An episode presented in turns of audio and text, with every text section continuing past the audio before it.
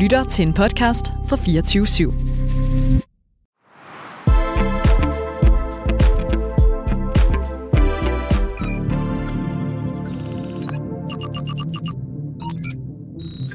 Stjernedato 2022. Claus Nygaards Space Log. Vi skal til at påbegynde den 29. mission, og det tegner til at blive den mest dramatiske nogensinde. Kommandør Karoline Ballstrøm virker mere målrettet end nogensinde før, og det skræmmer mig. Hun spurgte mig, om jeg nogensinde havde set en snegl bevæge sig på kanten af et barberblad.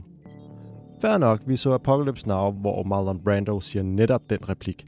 Men hvordan det skal hjælpe den her omgang close-up, der skal handle om norske Joachim Triers eksistentielle komediedrama Verdens værste menneske og animationsfilmen Lightyear, der er et spin-off til Toy Story-filmene, det ved jeg ikke.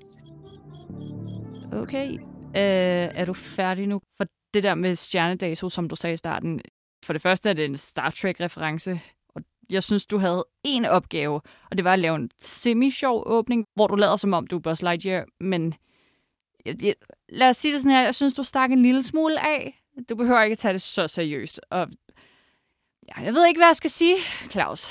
Men, øh, men tak for den åbning øh, close-up, der som du fik præsenteret nogenlunde savligt, øh, skal handle om Lightyear, Pixars nyeste skud på stammen. Eller ny og ny er det jo ikke rigtigt, fordi det er jo en øh, karakter, vi kender fra Toy Story-filmene, og de spænder altså efterhånden tilbage til midten af 90'erne, så Helt nyt er det jo ikke, men faktisk så gør de jo den her gang noget øh, ret unikt for deres filmfranchises. Og så sagde du noget om, at vi slutter af med verdens værste menneske. Mm, som muligvis er verdens bedste film. Det her norske komediedrama om et ung kvinde, der i slut 20'erne, start 30'erne står på det meget, meget vanskelige skæld i livet, hvad fanden skal jeg gøre med mit liv nu? Skal jeg få familie? Skal jeg leve drømmen? Eller hvad skal jeg? Meget god film, vil jeg godt røbe. Ja, ja. Det er du ikke den eneste, der synes. Altså, jeg øh, tæller Oscar-nomineringer. Der var noget med noget Cannes, som blev taget med storm. Men det er altså først til slut i den her omgang close-up, som, som altid er i selskab med mig, Karoline Ballstrøm. Og ved min side har jeg Claus Nygaard Petersen. You've got a friend in me. You've got a friend in me. I 1995 der fik drengen Andy et Buzz Lightyear legetøj. Og figuren den forestillede hans yndlingskarakter Buzz Lightyear fra en sci-fi film, som Andy han havde set. Og Lightyear er den film. Det er så fucking genialt. Jeg synes virkelig, det er inspirerende, hvordan Pixar formår at lave en spin-off, som har noget med det originale Toy Story-univers at gøre, men samtidig bare har en frihed, som man ellers ikke vil have i de her spin-offs. Hvis vi kigger på Star Wars-serierne på Disney+, Plus, de er jo lidt hæmmet af, at der er nogle ting, der foregår i filmene, som de på en eller anden måde skal forholde sig til. Her, der er fri leg, fordi det er en film inde i en film, som vi ikke rigtig ved noget om, ud over nogle enkelte sådan 5 sekunders klip i Toy Story-filmene. Fucking fedt. Ja, fordi altså, sådan som vi jo møder Buzz Lightyear, når han møder Woody og alle de andre legetøj i den her originale Toy Story-film fra 95, der er Buzz jo det her øh, hjernevaskede legetøj, der ikke ved, han er et legetøj nu. Og han er baseret på den her filmfigur, Buzz Lightyear, som er en Space Ranger, altså det ypperste inden for rumudforskning og sådan en marinesoldat øh, mm. samtidig. Og åbenbart viser det sig også nu i Lightyear-filmen, er alt det her, som Andy han går og leger med Buzz, det er jo bare lege, som han finder på ud fra den her film, som Andy, som endnu mindre endnu, har været inde at se. Og den her film handler om Buzz, der ikke er i Space Ranger Akademiet længere. Han er ude og lave sine missioner. Og øh, en særlig stor mission, som han er på, den går helt galt, og det viser sig faktisk at være hans skyld. Han får et helt rumskib til at falde ned og tvinger øh, alle dem ombord til at starte en koloni på en ret ubeboelig planet. Øh, og så må Boss jo tynget af skyld prøve på at finde en vej væk fra planeten igen. Og det er, hvad Lightyear handler om. Sygt fedt koncept. Hvad sker der for en film ind i en film om en film? Altså, En rum-action-film inde i en øh, legetøjs coming-of-age-film. Der er potentiale. Jeg håber, der er andre filmreferencer i Toy Story-universet, som man kan lege med på den måde. Fordi det her, det er jo action fra start til slut, som vi kan høre i trailerklippet, som vi sætter på nu.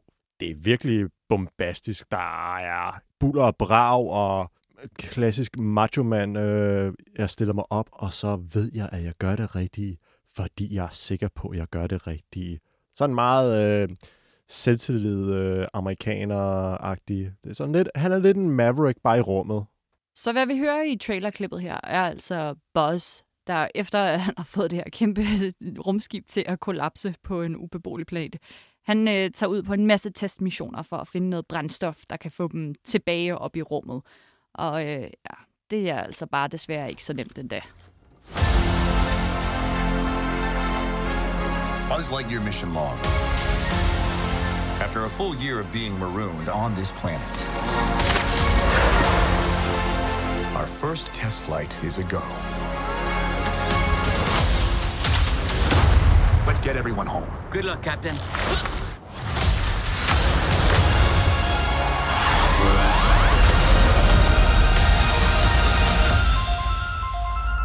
There's a star.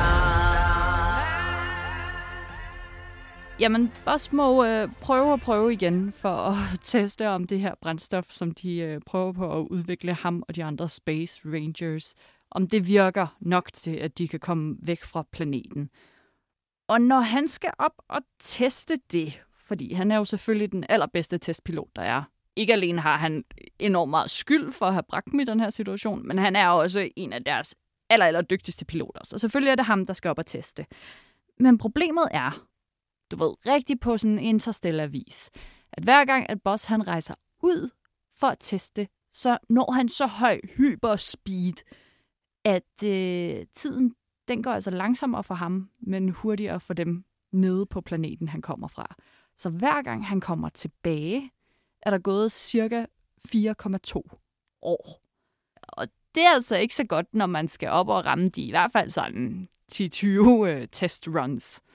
Og det er hele problematikken i Lightyear. Det er Buzz, der forsvinder fra planeten for at vende tilbage igen og igen. Og hver gang han smutter, så sker der enormt meget, når han melder sin hjemkomst igen. Mm. Det er meget trit med den Buzz Lightyear-figur, vi mødte i Toy Story. Han vil gøre tingene selv, fordi han har et kæmpe å på sine skuldre på en eller anden måde. Det er ham, der gerne vil gøre det hele. Det er ham, der er helten. Det er ham, der ved, hvordan tingene skal gøres. Så han påtager sig virkelig den her helterolle fuldt ud, fordi det er ham, der er skyld i, at de er der. Og det er fandme også ham, der skal være skyld i, at de kan komme derfra igen.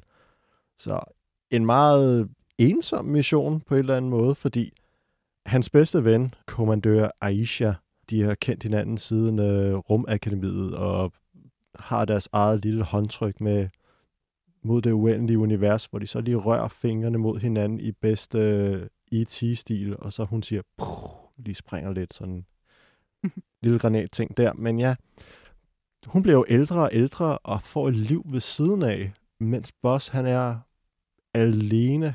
Altså hver mission for ham, det er jo en dag ud af hans liv. Men når alle andre bliver ældre omkring en, hvor ensomt er det så ikke at være den eneste tilbage, der ikke ældes? Og det er jo så meget smart, at man så får introduceret en øh, robot. Verdens mest charmerende robotkat nogensinde. Ja, og det er jo Socks i form af en lille øhm, legetøjskat.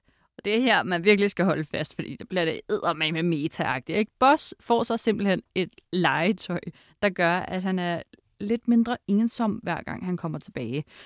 Og øh, Socks er sådan en rigtig androide, hvilket Boss tydeligvis har et problem med. Altså, han er ret træt af autopiloter og robotter og alt sådan noget. Så at Aisha, hans gode veninde, som han bliver ved med at forlade, at hun giver ham en androide, altså lige på grænsen til, hvad han kan tage. Ikke? Og han er heller ikke øh, særlig meget for den i starten.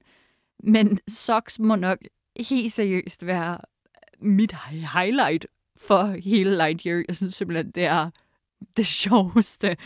Og det, igen, passer også rigtig fint overens med, hvad vi har fra andre Toy Story-film, altså som de jo forløber sig op igen 2, 3 og 4, så kommer der jo flere og flere små bikarakterer på, eller legetøj, vi møder, som kan noget helt specielt, og som altid formår at være ligesom det bedste. Det synes jeg er en ret fantastisk egenskab egentlig at have. Så der spiller Socks rent ind. I firen havde vi jo uh, Sporky, det her legetøj, der hele tiden prøver at begå selvmord, fordi uh, han er faktisk ikke et legetøj. Han er jo faktisk bare en, en spork, altså sådan en gaffel og en ske, der mm. er, er flettet sammen. Også i, i Toy Story 2 er der jo Jessie og alle de nye ranch-legetøj og sådan noget. Så Socks passer jo perfekt ind. Mm. Også med en af de her cute øh, Pixar-traditioner med, at de har nogle af deres animatorer til at lægge øh, stemme til de her forskellige biroller. Og det er Peter Zorn, hedder han. Ikke et navn, som vækker umiddelbart genkendelse, men Karoline, filmen The Good Dinosaur. Ja. Husker du den? Ja, jeg vil sige, det er ikke måske Pixars fineste time. Men det er ham, der instruerede den. Og jeg kan godt lide den måde, Pixar giver noget kærlighed til deres øh, folk internt ved at give dem sådan nogle små roller, fordi det er jo ikke nogen, man typisk vil tænke på i Hollywood-konteksten til, når vi skal have en øh, karakter i en animationsfilm, der er en, der skal en stemme. Men altså, han har jo også, øh, han har også lagt stemme til andre film, som i Ratatouille og også i Op. Så han kan sine ting, og jeg har, vi har et lille klip med, hvor man kan høre, hvordan Sox og Buzz de møder hinanden for første gang.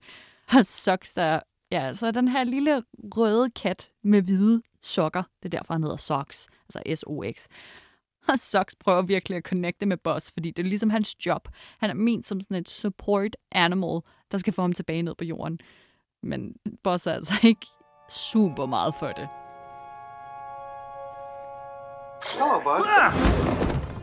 I am Socks, your personal companion robot. My what? I was issued by Star Command to ease your emotional transition after your time away. Oh, well, that's very considerate of you, robot feline, but no thank you. I'm afraid it's protocol. Sensors indicate you've missed four birthdays. Would you like a frosted snack cake to celebrate? Negative. That would compromise my nutritional regimen.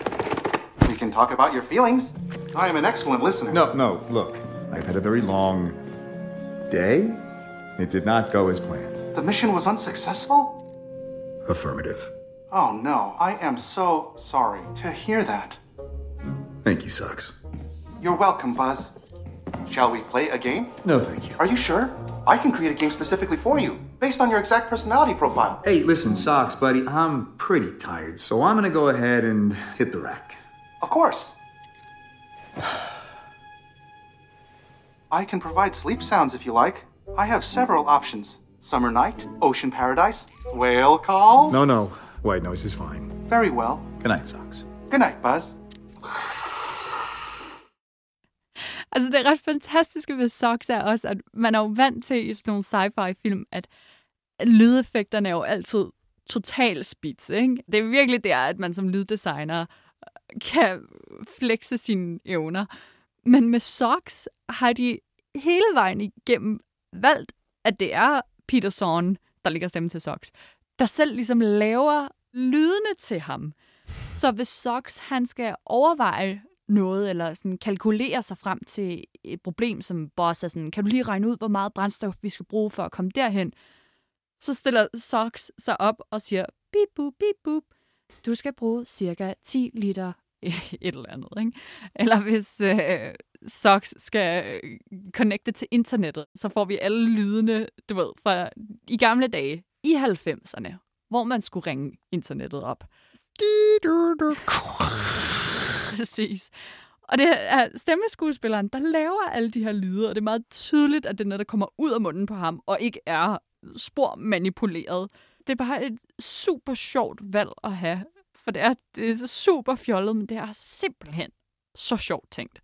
Det elsker jeg ved socks. Og altså, den er også sådan en slags mærkelig, du ved, sådan nogle foldeknive, man har, ikke? Sådan en Swiss mm-hmm. Army knife der bare fortsætter, og lige pludselig så har du en øh, proptrækker, og så kan du få en, en flaskeåbner, en kniv, og der er en gaffel, og lige pludselig så har du sådan en kastestjerne af ting, der stikker ud fra den. Og socks er sådan lidt det samme, Fordi han kan lade som om, han skal til at kaste en hårbold op. Og i stedet så kommer der en lille flammekaster ud af hans mund, som man kan bruge til at skære døre op. Eller han kan øh, lige pludselig lyse ud af øjnene og fungere som en lommelygte og sådan noget. Altså, der er ingen grænser for Socks. Han er bare min nye yndlings Toy Story-karakter. Han er en scenestjæler. Nu taler vi jo om, har vi jo nævnt Peter Sorn, øh, som lægger stemme til Sox. Og vi har jo set den øh, engelske version. Der er også en dansk version, som kommer til at gå i biograferne, men vi har valgt den engelske. Fordi selvfølgelig, det skal man. Man skal se den på originalsprog. Jeg er ked af det. Ah, men det, så du ikke også Toy Story med danske stemmer og tude en lille, lille tårer? Jo, Det gjorde jeg i hvert fald. Men nu er jeg blevet voksen. Ja. Jo. Jo. Anyway, der er selvfølgelig nogle danske stemmer, men hvis vi lige kaster blikket mod de engelske, ikke? Det er nu engang, hvad jeg vælger, Claus. Jeg er ked af det. Så må du, så må du altså lige rette ind. Fordi det plejede jo at være Tim Allen, der lagde stemme til Buzz Lightyear. Det har han gjort i alle de andre Toy Story-film. Men han er ved at være en gammel mand. Han er runder snart de 70. Og Lightyear i den her omgang er jo en gut, der er på sit fysisk højeste. Han er måske midten af 20'erne eller sådan noget. Stadig ung nok til at være rigtig dum og træffe alle beslutninger selv. Æ, og og øh, så er det jo heldigt, at USA ligger inde med en anden skuespiller, som jo også har gjort sig lidt i det der øh, Marine Corps, militære... Hele øh, USA's øh, Captain America. Chris Evans, Ja, tak. Captain America. America's butt. America's butt. Og jeg synes altså, det er, er rimelig spot on. Chris Evans gør sig også meget umage for at efterligne Tim Allen, så overgangen er øh, rimelig sømløs. Ja, en meget dyb stemme, han kører med. Hvis man tænker på Captain uh, America fra Marvel-filmene, så kan den nogle gange komme lidt op i den måske lidt mere lyse stemme, hans måske mere naturlige leje. Men her, der er det virkelig som om, han øh, lige har taget øh, 20-30 kilo på, for lige at få den ekstra bund i stemmen, så han kommer sådan lidt ned det her, sådan lidt, øh, lidt mørke stemme her. Og som Tim Allen jo kørte med, at han var sådan, øh, meget, meget, mm. meget, meget lavt nede, sådan. Ja. det, det kunne jeg ikke lige efterligne. Undskyld. så nej, man tænker ikke rigtig over, at det er en anden person, der lægger stemme til Boss. Hvordan synes du om historien? Altså, jeg synes, det holder forholdsvis godt det med, at han ligesom skal rejse ud og vende tilbage til noget, og hver gang han vender det ryggen, så har det seriøse konsekvenser. Han er, er jo meget langt for at være noget i nærheden af rodfæstet. Og hans venskab med Alicia er jo helt klart det, der sætter det på spidsen, fordi hun fortsætter sit liv hver eneste gang, han rejser væk. Og Alicia er jo også... Altså, jeg ved godt, at man før har sagt, at man har haft åbent homoseksuelle karakterer fra Pixar. Men det her er noget helt andet. Og det var bare på tide.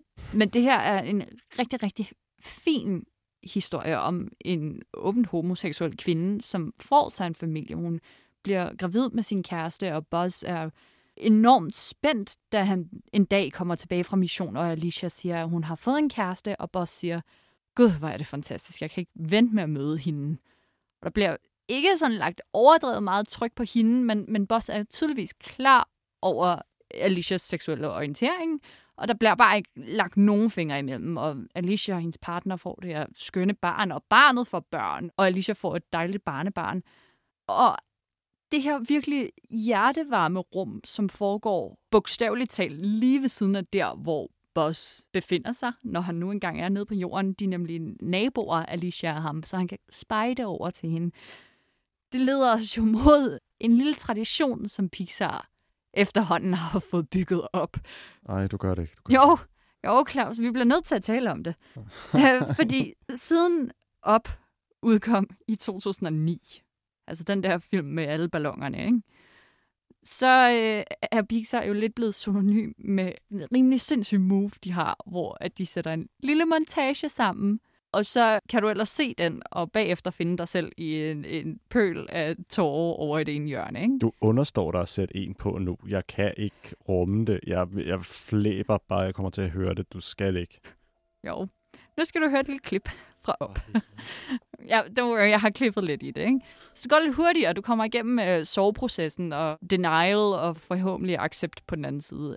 Fordi det, der sker i op fra 2009, er jo, at Karl og Ellie, de møder hinanden som børn, og de vokser op sammen og prøver på at blive gravide. Ellie får en abort, kan ikke få børn. De bliver gamle sammen, finder en ny drøm, indtil Ellie hun en dag falder om på bakken op til deres øh, yndlingsudkigsspot. Og så dør hun ellers.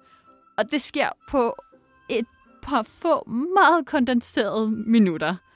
Og det, det er rimelig sindssygt. Og jeg vil våge påstå, at i Lightyear sker der nogenlunde det samme, og man er ikke i tvivl om, hvornår det sker. Jeg er allerede tår i øjnene.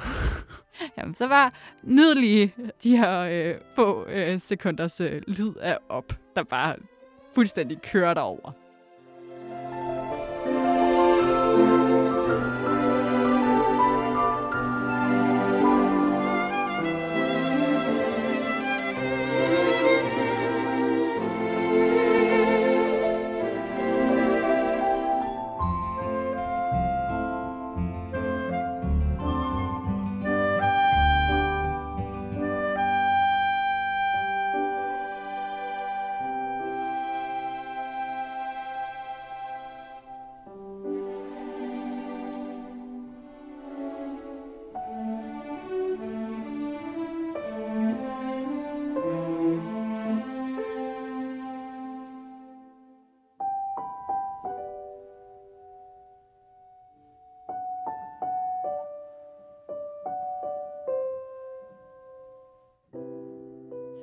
Okay? Jeg har lidt tår i øjnene. Jamen, det, øhm, der, der var et ret fint øjeblik i biografen, da vi så Lightyear, hvor at det, jeg tror, vi begge to sådan rimelig standhaftigt krydsede armene og tænkte, den skal eddermame ikke få os igen. Fordi det er jo bare så ikonisk, det her op-øjeblik. Og jeg synes, vi begge to klarede os rigtig fint igennem, men problemet er jo, at for os mennesker med briller, der er det ret tydeligt, når man tager dem af, og man ligesom begynder at, at Sådan som jeg står og gør nu. Ja, sådan der.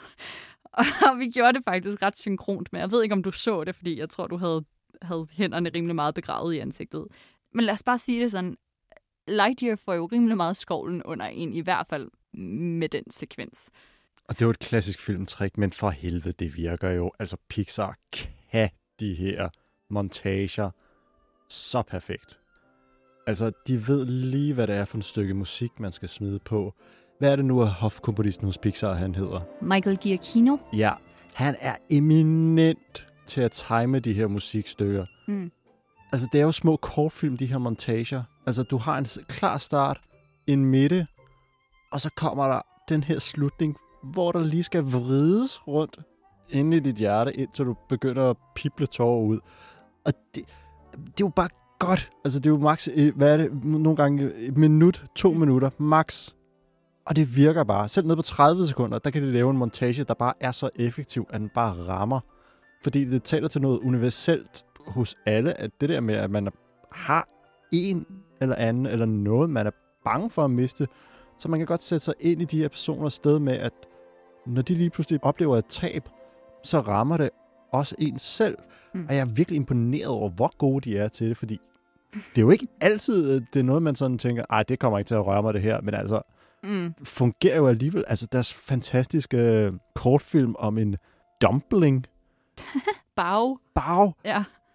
den ramte jo voldsomt. Altså, man holdt jo af det der lille stykke bagværk. Øh, det er jo ikke meningen, at man skal synes, det er dybt rørende, hvad der sker i den film.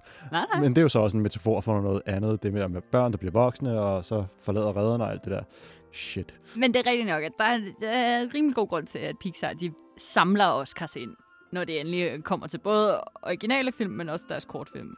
Ja, fordi de kan det her shit. Men jeg vil også sige, da jeg, da jeg så den her sekvens i Lightyear, så sad jeg også og tænkte, okay, I laver en Married Life, som den her sekvens fra op hedder. Altså, jeg vidste godt, hvad de havde gang i, ikke? Men det betyder jo ikke, at man bliver immun, bare fordi man godt ved, hvad der foregår. det bringer måske også i forhold til alt det her med formater, og det er en lille kortfilm i en film. Det bringer mig lidt tilbage til hele Lightyear som koncept, fordi øh, vi arbejder normalt med noget, der hedder prequels, hvis vi har film, der er dateret senere end originalen, men behandler noget, som kom før originalen. Mm.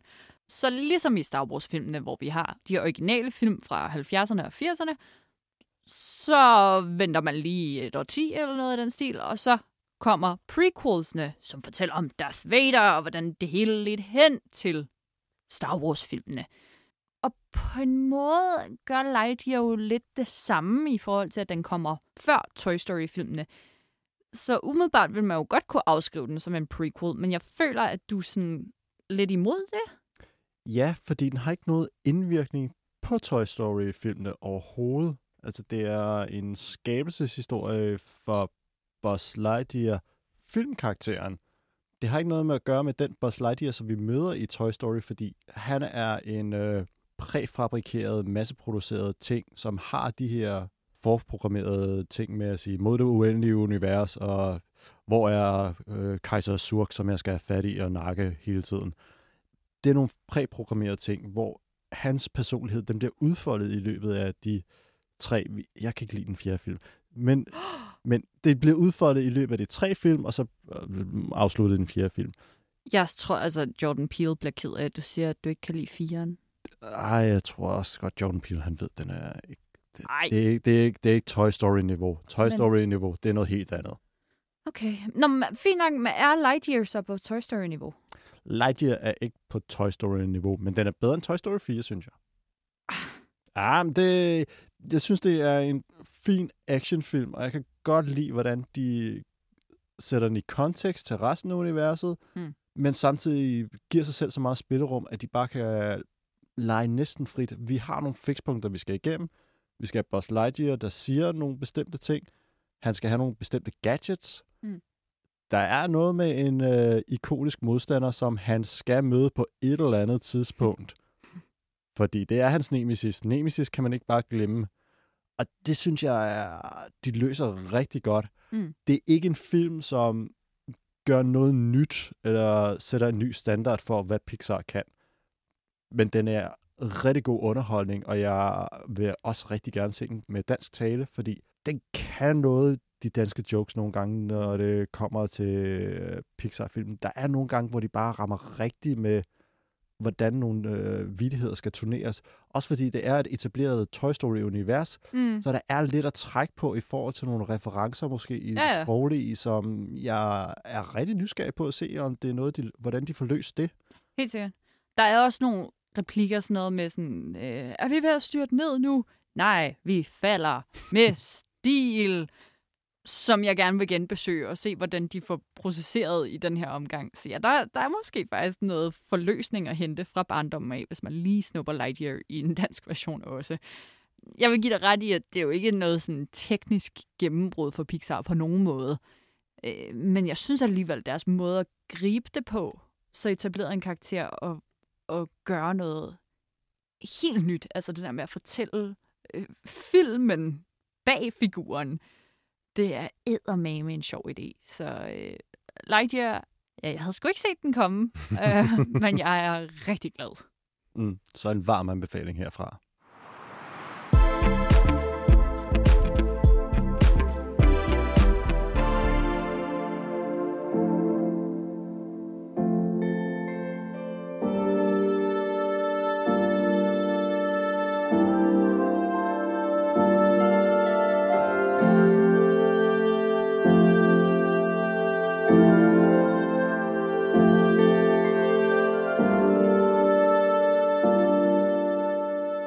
Claus, hvad tror du, man får, hvis man kombinerer to norske...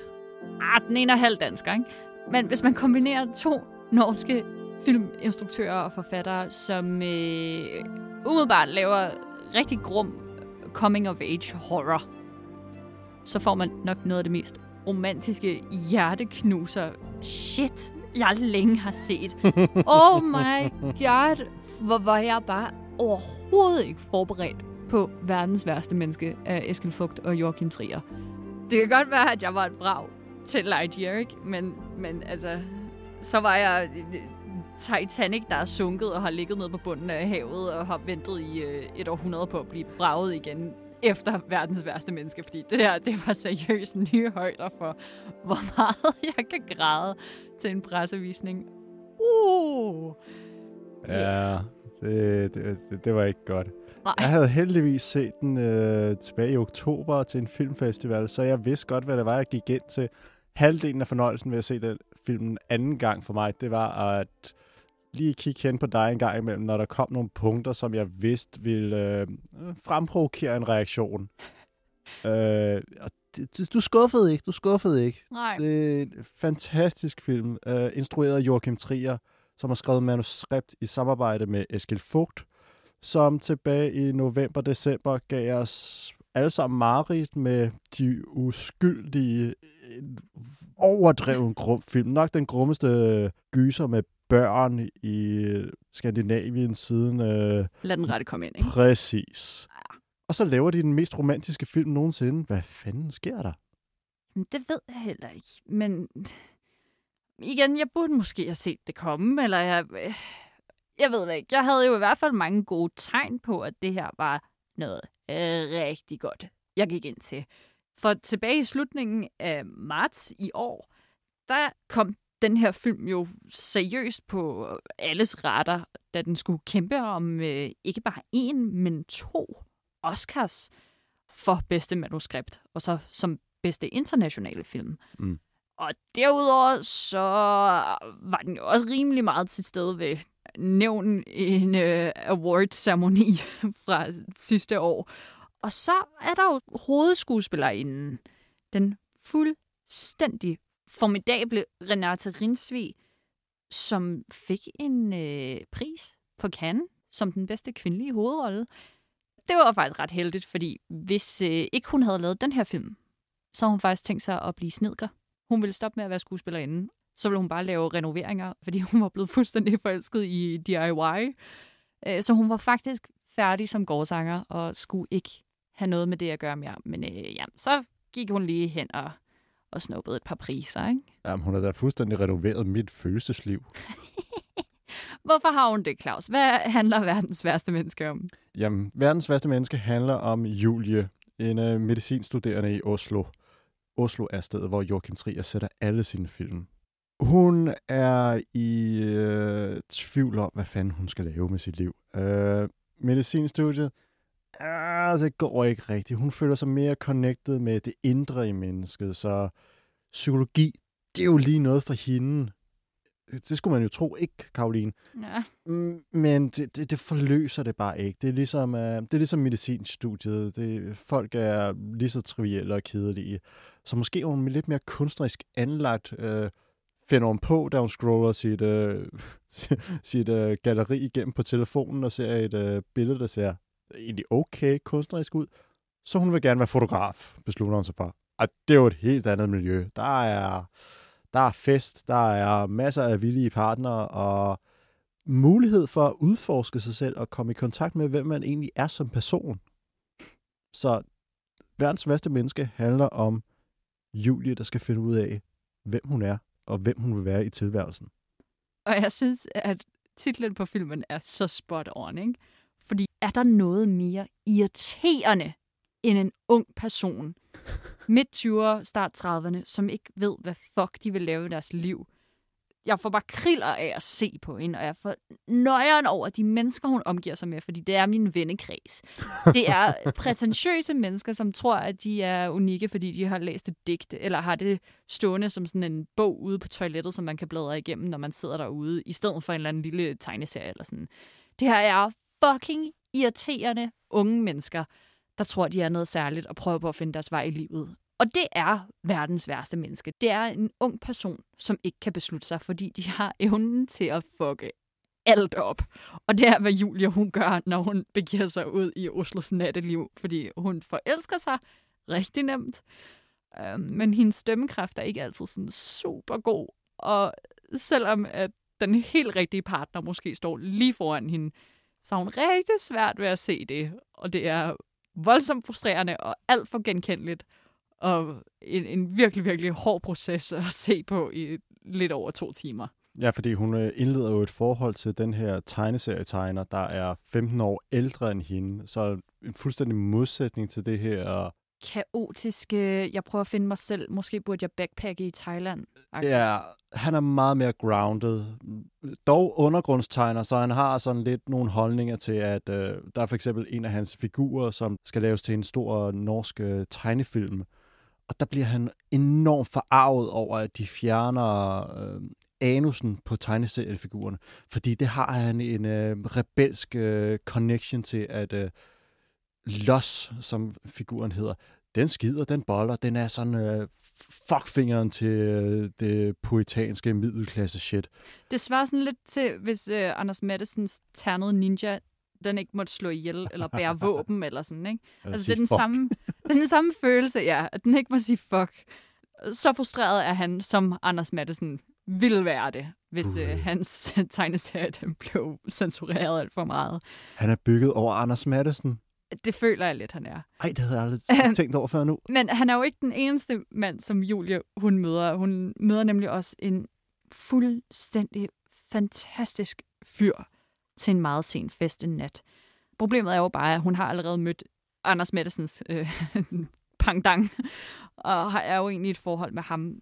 Men som den trailer, vi skal høre nu, den viser, så øh, ja, at vælge mellem de her to mænd, det er bare et par af Julies problemer, fordi hun er simpelthen det mest ubeslutsomme nogensinde. Men rigtig, rigtig sympatisk, det er hun nu alligevel. Oslo var med ett en helt annen by.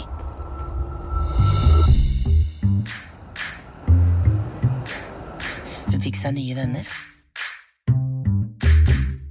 Møtte nye mennesker. Hun oppsøkte nye steder. Hei! Alle har snakka om deg. Det er du som lager den gaupe... Det var da hun ble forelsket i ham. Hvor mange klesskap skal du ha? Mm, hvor mye kan jeg få?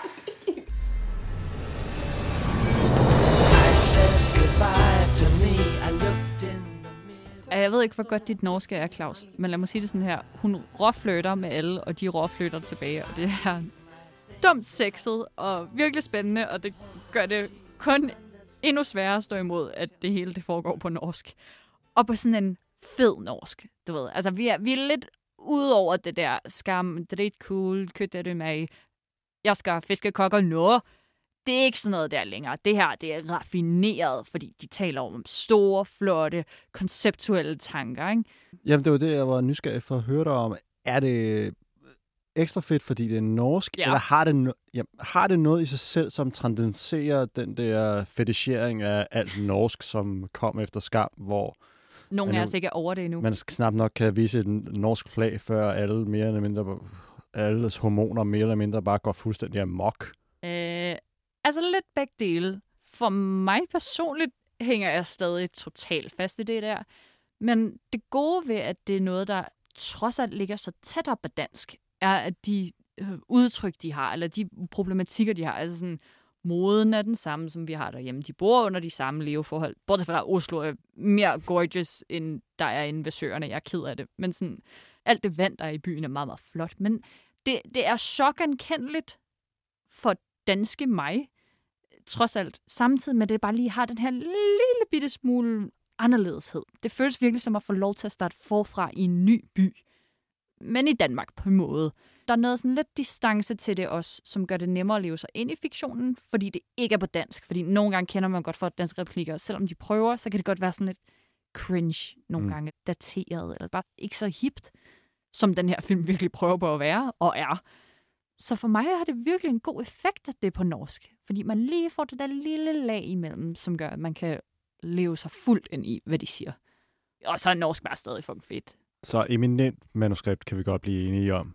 Og ja, Instruktionen, det, den er også oppe i spidsen. fuldstændig. Den er super sjov.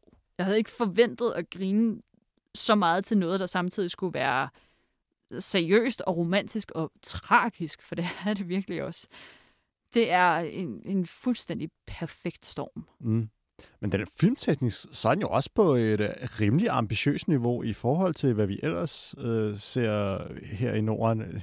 Ja, for det er jo også det, der ligesom adskiller den lidt fra alle mulige andre romancefilm. At den er teknisk ambitiøs på et helt andet level end sådan nogle ting, som man ellers ville kunne sammenligne den med, som er oplagt blandt andet Normal People, Sally Rooney-serien, som blev købt af DR3, som også handler om, om nogle mennesker, der prøver på at få det til at fungere sammen. Men du har ret, der er noget helt særligt ved den.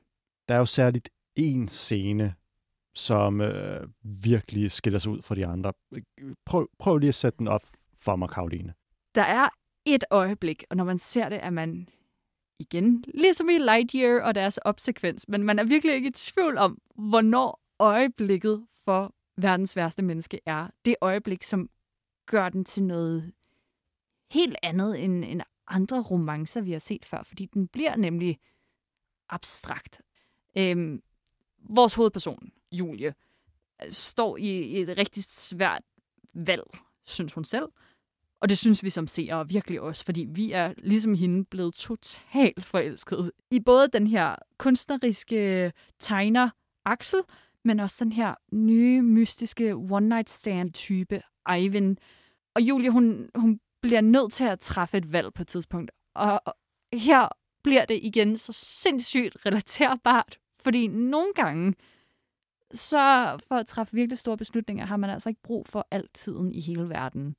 Nogle gange, så skal man bare bruge et eneste fucking sekund, og så ved man præcis, hvad man har brug for at gøre. Og det er det, som Julia, hun gør. Øh, sådan rimelig bogstaveligt egentlig. Hun stopper tiden, og så gennemlever hun et helt scenarie på et enkelt sekund. Ja, hun vågner op. Det er en almindelig morgen. De er på vej ud i køkkenet. Axel er i gang med at hælde en kop kaffe op til hende. Og så tænder hun for en lyskontakt.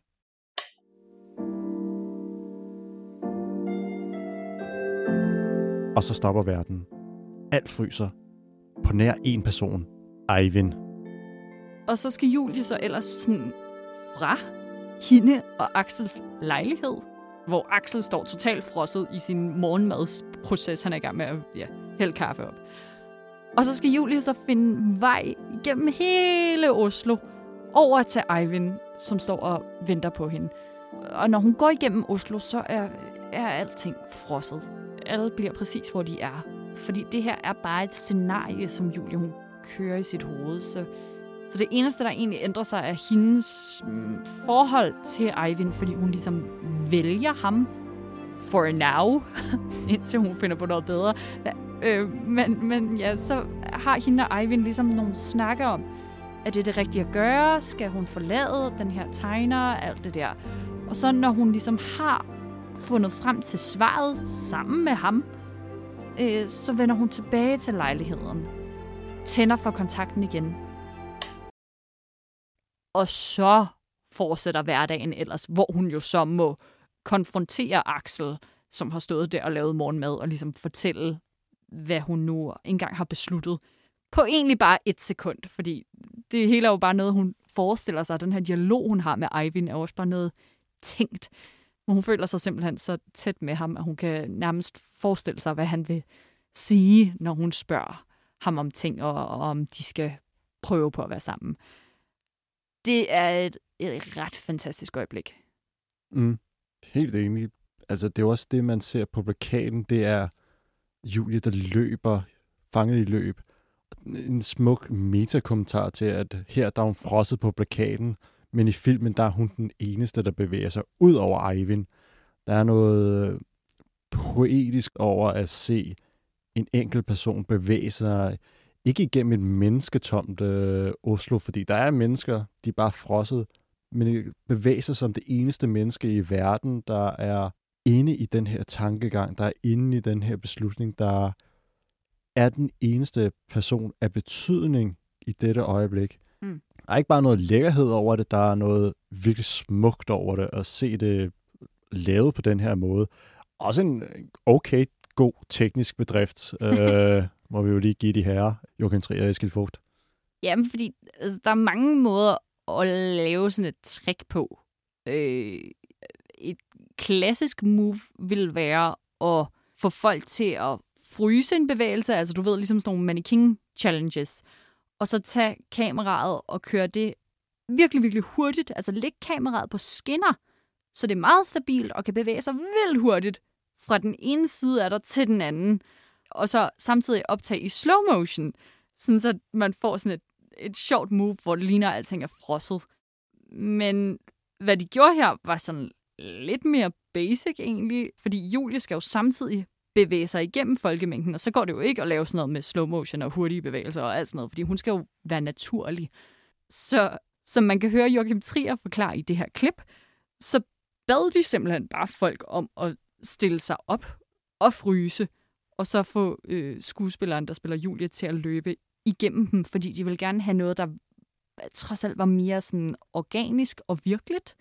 Så vi kan lige høre øh, Joachim Trier fortælle lidt om, hvordan de rent faktisk gjorde det her. I did not want the sequence to be this sort of slick CGI perfect thing. I wanted to have a human feel. I wanted to feel more like an old school musical or something. So what we did was we asked people around Oslo to stand still while we would kind of have Julie run past them and run along the streets and various spots that we've chosen. So most of the people you see are extras that were hired and they were kind of cast on the notion that, you know, can you stand as if you're running almost or can you stand still like this or that you know so so they all had an idea coming on set and we did like prep days and i had a wonderful team of people help me arrange the choreography of it rather this frozen choreography of the sequence Ja, som Joachim Trier han fortæller, så var der en rimelig fast koreografi, eller sådan øh, en måde at stille sig op på, som alle statisterne de ligesom kunne rette sig ind efter, så det så flot ud, og at de var frosset i en, i en god stilling. Og han siger jo også godt nok, at de vil gerne undgå at bruge for meget CGI for at have det naturligt og organisk. Øh, men der er, der er nogle steder, hvor de alligevel har gået ind og, og sådan lige tweaked den lidt. Ikke? For eksempel er der øh, Axel, der står der og laver morgenmad. Han er i gang med at hælde en kop kaffe. Og det den sådan kaffestrøm, der, der flyder fra den ene hånd til den anden, fra hans kande til koppen, den er ligesom CGI'et ind bagefter, for det mm. virkelig ser spot on ud. Og der er også en cyklist, som er ved at dreje i et sving, som også er en, en CGI-person, øh, de har sat ind. Men nu er CGI jo så dejligt præcist, at vi kan se det og, og bare tænke, at det er fantastisk, og hvordan har de dog gjort det, men i virkeligheden er det jo bare computereffekter. Men uanset hvor meget du prøver på at planlægge ting med de her koreografier om, hvor folk de skulle stille sig op henne, ikke? Mm. Øh, så skete der noget ret funky for produktionen af Verdens Værste Menneske, fordi det var en film, der blev optaget under corona. Det betød, at alle kedede sig rimelig meget. øhm, så Joachim Trier fortæller også, at da de optog det her, så fandt de lige pludselig ud af, at der faktisk var flere extras, altså statister, i baggrunden, end det egentlig var planlagt, fordi øh, folk havde set dem begynde at optage, og joinede ligesom bare alle de der statister, som de allerede havde hyret. Det er ret sjovt. But a lovely thing that happened towards the end of the sequence that she runs down a street and you know we just follow her and we realized suddenly that people have joined in people had been looking out their windows and realized what we were doing out of their apartments or something. And some a couple of people had run into the street and just froze in new positions just to add on on the second or third take. So it became kind of this almost feeling of a party. And mind you, you know, we did this after the first wave of COVID. So I think there was an added joy both for the film team and for the people that were part of it to gather in such large crowds again. It was actually some really lovely days on set to do this. Men alt det her, det er jo meget godt, ikke? Men det er virkelig også en film, der er hængt op på én ting. Mm. Og mhm. det er Julie, der tager irriterende beslutninger, går fra folk, vender tilbage til dem igen, ikke? Ja. Øh, jeg har faktisk lavet en lille quiz til dig, Claus. Ah, shit. Og jeg har rigtig gode breakups, som jeg synes, at du skal quizzes lidt i. Mm. Jeg synes lidt, der er ekstra point, hvis du kan sige, hvem breakupet foregår imellem, men jeg godtager også bare, hvis du siger en titel som det her breakup, det kommer fra. Modtaget. Er du med på det? Ja. Okay. Film og bonuspoint, hvis jeg er super sej og siger, hvem det er, der breaker op med hinanden. Ja, men øh, jeg, vil, jeg vil satse på filmtitel, hvis jeg var dig. er du klar? Jeg er født klar. I don't. Uh, there's something I have to tell you. You don't have to tell me anything. I heard enough last night. You heard what I said? Every word. I thought you'd understand. Oh, I understand. Like you said, who could love a hideous, ugly beast? But I thought that wouldn't matter to you. Yeah, well, it does. Ah, det er jo uh, Shrek, der slår op med Fiona i den uh, første Shrek-film. Det er rigtigt. Ah, for satan, mand. Og det er rigtig trist, fordi det er jo på et forkert grundlag og sådan noget. Men sådan er det nogle gange med breakups. Ah. Ej, jeg- det kan lige gøre op for mig, at det her er slet ikke nogen sjov quiz. Jeg bliver faktisk bare ked af det her. er du klar til den næste? Vi kører hurtigt igennem. Jeg er klar. You said I was to do the thinking for both of us. Well, I've done a lot of it since then. It all adds up to one thing. Det er Red Butler, der slår op med Scarlett O'Hara i uh, Borte med Blisten. Nej. Nej. Var det ikke? Nej.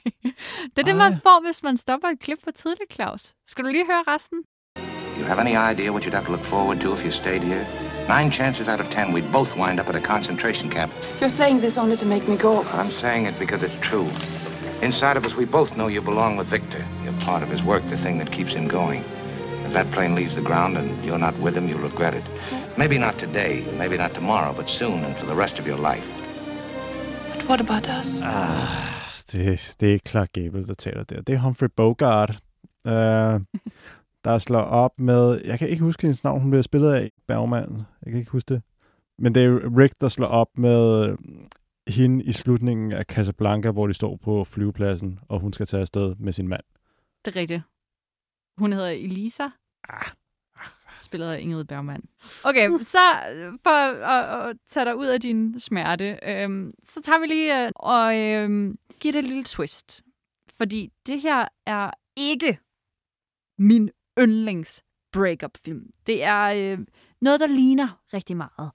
Øh, min yndlings breakup film of all time har nemlig fået sig et lille makeover. My desert island, all time, top five most memorable heartbreaks. In chronological order are as follows Kevin Bannister, Kat Monroe, Simon Miller, Justin Kit. Congratulations.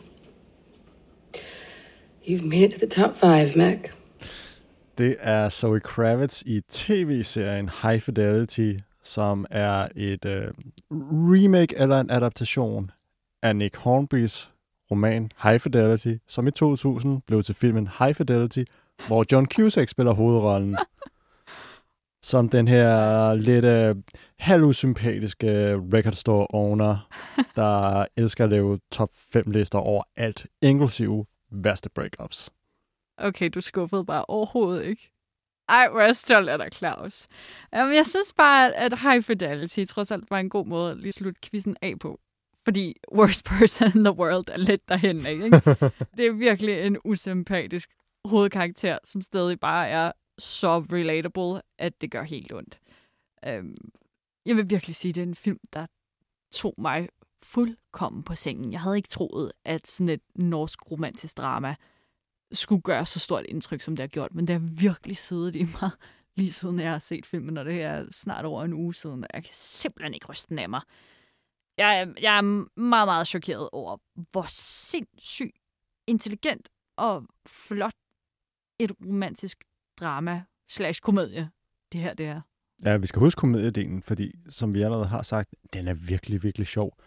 Bare helt støbt filmhåndværk, som holder hele vejen hjem.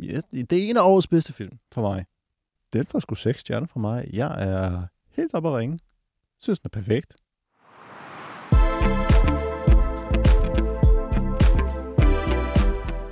Det var alt for den her omgang Close-Up. Lyt med næste gang, hvor vi rocker din verden med ingen ringer end kongen af rock, nemlig Elvis Presley i den nye Baz Luhrmann-film, som helt klart nok skal få øh, nogle øh, folk op af sædet, om det er på den gode eller den dårlige måde. Det skal vi se nærmere på. Vi lyttes ved. Kære lytter, du har lyttet til et program fra 24 /7. Du kan finde meget mere modig, nysgerrig og magtkritisk taleradio på 24 7 appen Hent den i App Store og Google Play.